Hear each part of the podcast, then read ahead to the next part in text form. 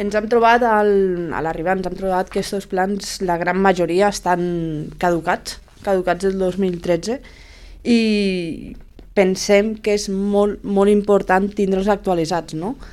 Per què? Perquè en cas de, com us ha passat ara últimament, no? hem tingut un incendi en tres mesos, un incendi dos aiguats, i ens hem trobat que els plans estaven caducats. Llavors, bueno, pensem que és molt important tindre'ls al dia, vale? ja que és una, la Mella és una població bastant vulnerable a, als riscos, sobretot en tema nuclear. No som conscients, eh, però a l'autopista, per exemple, que passa molt a prop, passen a diari mils de camions de matèries perilloses. Val? Fa un mes va haver un accident d'un camió de matèries perilloses a, entre la nuclear i Calafat. D'estos temes no som conscients, però sí passen cada dia. Llavors, per això és tan important la implantació d'estos plans i saber actuar